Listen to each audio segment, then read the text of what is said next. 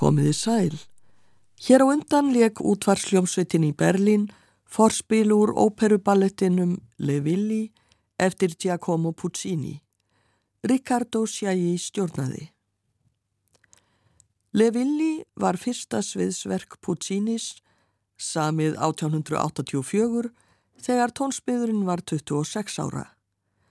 Titill óperunnar merkir eiginlega viljurnar. En hvað eru viljur? Þær eru verur í slavneskri þjóðtrú, eins konar álvamegar sem oftast búa í skóum eða við vatn. Þær eru undurfærar, hafa sítt slegið hár og eldur brennur í augum þeirra. Stundum sjást þær dansa ringdans en það er háskalegt fyrir menn að taka þátt í þeim dansi.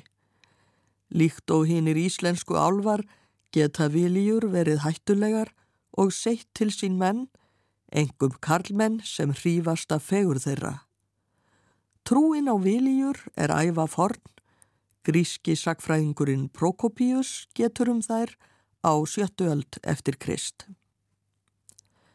Þessar þjóðsagnaverur koma við sögu í nokkrum tónsmýðum og fáinnar þeirra verða fluttar hér í þættinum. Þar er frægastur Viljusöngurinn úr óperettunni Kátu ekkjunni eftir Frans Lehar. Káta ekkjan, Hanna Glavari, er frá ímynduðu Östur-Evrópulandi sem kallað er Pontevedro í óperunni. Í veislu sem hún heldur í París fer hún að rifja upp þjóðsögu frá heimalandi sínu og syngur um hana Viljusöngin. Þar segir frá ungum veiðimanni sem hittir Vilíu í skógi. Hann verður gagtekinn af fegur þennar og þau fallast í faðma en þegar minnst varir hverfur Vilíjan og skilur unga mannin eftir gagtekinn af ást. Elisabeth Svarskov syngur með fílharmoníu kórnum og hljómsveitinni Vilíu söngin úr óperettunni Kátu ekkjunni eftir Frans Lehar. Stjórnandi er Lovro von Matacic. is near.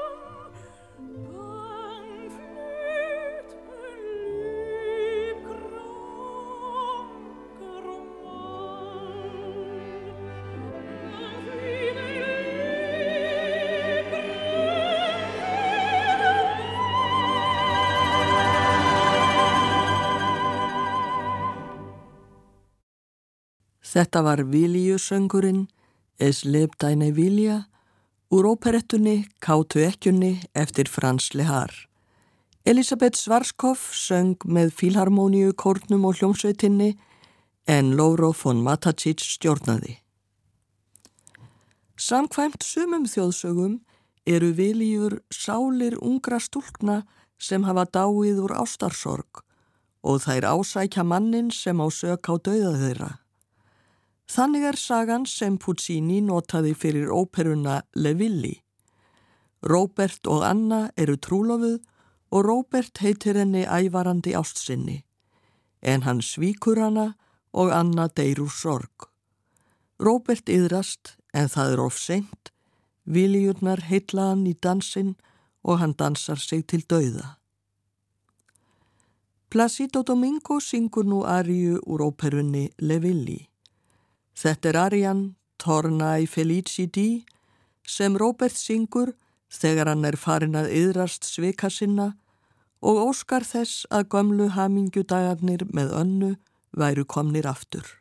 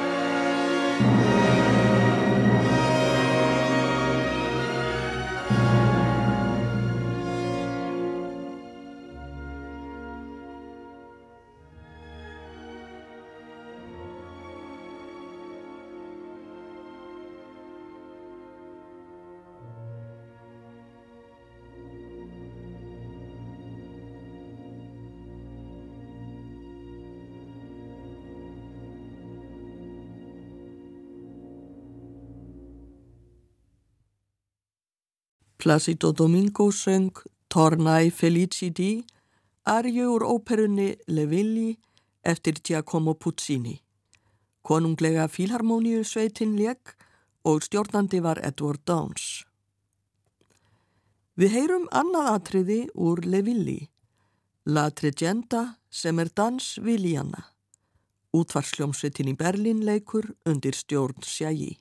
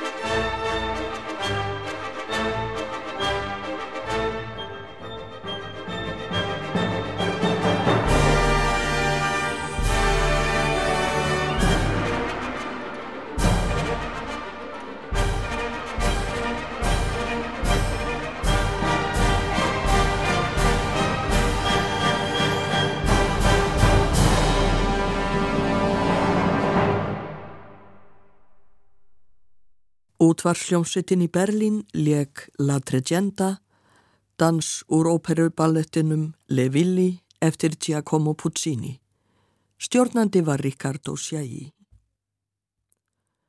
Árið 1841 var frumfluttur ballettin Giselle með tónlist eftir franska tónskáldið Adolf Adam. Þjóðsögninum Vílijur er notuð í ballettinum enda hefur hann undirtitilinn Le Vili viljurnar. Giselle er ung sveitastúlka sem aðalsmaðurinn Albrecht svíkur í triðum. Hún deyr af harmi og Albrecht fyllist yðrun eins og Robert í óperunni Levilli. Um nóttina byrtast viljurnar við gröf Giselle undir foristu drottningar sinnar myrtu. Þær taka Giselle inn í hópin og vilja fá hana til þess að rekja Albrekt út í dauðadansin. En Sísel fyrirgefur Albrekt og fær hann til þess að halda sig við krossin hjá gröfinni. Eins og flestar yfirnáttúlegar vættir forðast viljurnar Kristinn tákn og þannig er lífi Albrekts bjargað.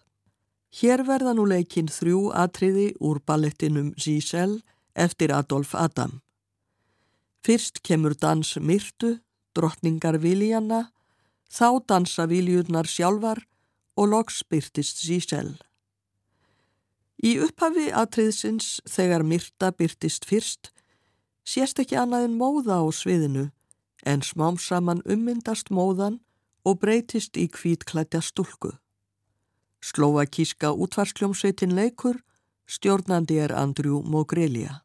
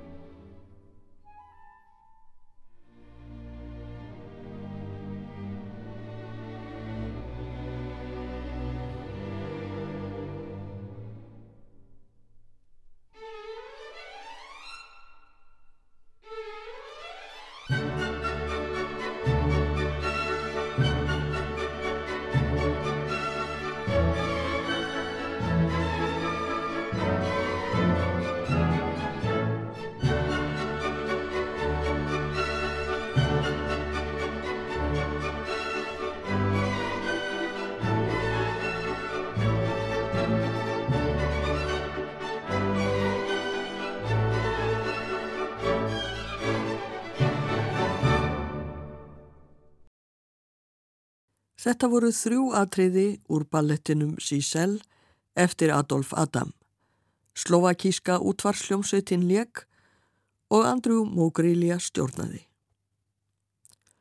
Þjóðsagan um viljurnar hefur stundum verið notuð í nútíma bókmentum, meðal annars í fjórðu bók J.K. Rowling um galdrastrákin Harry Potter, Harry Potter og Eldbyggarinn. Þýðandin Helga Haraldsdóttir kallar viljurnar Válur og er það í rauninni ágætis orð. Válurnar byrtast í þeim hlutasögunar þar sem Harry og vinir hans, Ron og Hermione, sitja hátt upp í stúku að horfa á úrslítarleik heimsmeistara keppninar í galdra íþróttinni Quidditch. Búlgarar og Írar eru að keppa og bæði liðin hafa tekið með sér lukkudýr frá sínu landi. Það er mikið fagnað þegar lukkudýr búlgara gangi inn á völlin. Hvað ætli þau hafi tekið með sér, sagði herra Vísli og hallaði sig fram í sætunni sínu. Aha, hann þreif skindilega af sig glerugun og hreinsaði þau með skikkjunni. Válur. Hvað eru vál? Í því liðu hundra válur inn á völlin og spurningu Harrys var svarað. Válur voru konur, fegustu konur sem Harry hafði augum lítið.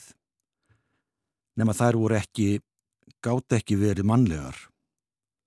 Það rugglaði Harry í rýmunu og hann reyndi að geta sér til um hvers eðlist þær væru, hvað fekk húð þeirra til að lýsa eins og mánaskinn og kvítgullið hárið til að feikjast svona þegar engin vindur blés.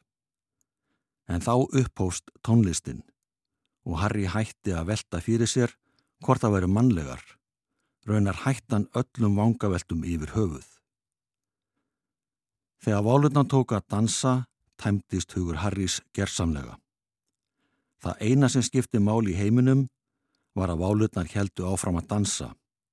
Ef þar hættu, myndi hræðulegi hluti gerast. Og eftir því sem dansválana var hraðari, tóku viltar, ólösar hugmyndir að gerjast í kollinum á Harry. Hann langaði að gera eitthvað tilkomumikið nú þegar. Honu virtist góð hugmynd að stökka úr stúkunni niður á völlin, en væri það nógu gott? Harry, hvað ertu að gera? saði rödd Hermione úr fjallægð. Tónlistin þagnaði, Harry deplaði augunum, hann stóð með annan fótinn uppi á stúkubrúninni, við hliðin á honum stóð Rón frosinn í stellingu sem gaf til kynna, hann var í að því komin að stinga sér fram á stökkbretti. Þannig kynnast Harry og Rón töframætti Vála eða Vilja í bók Jóðká Ráling, Harry Potter og Eldbyggarinn sem Helga Haraldsdóttir þýtti.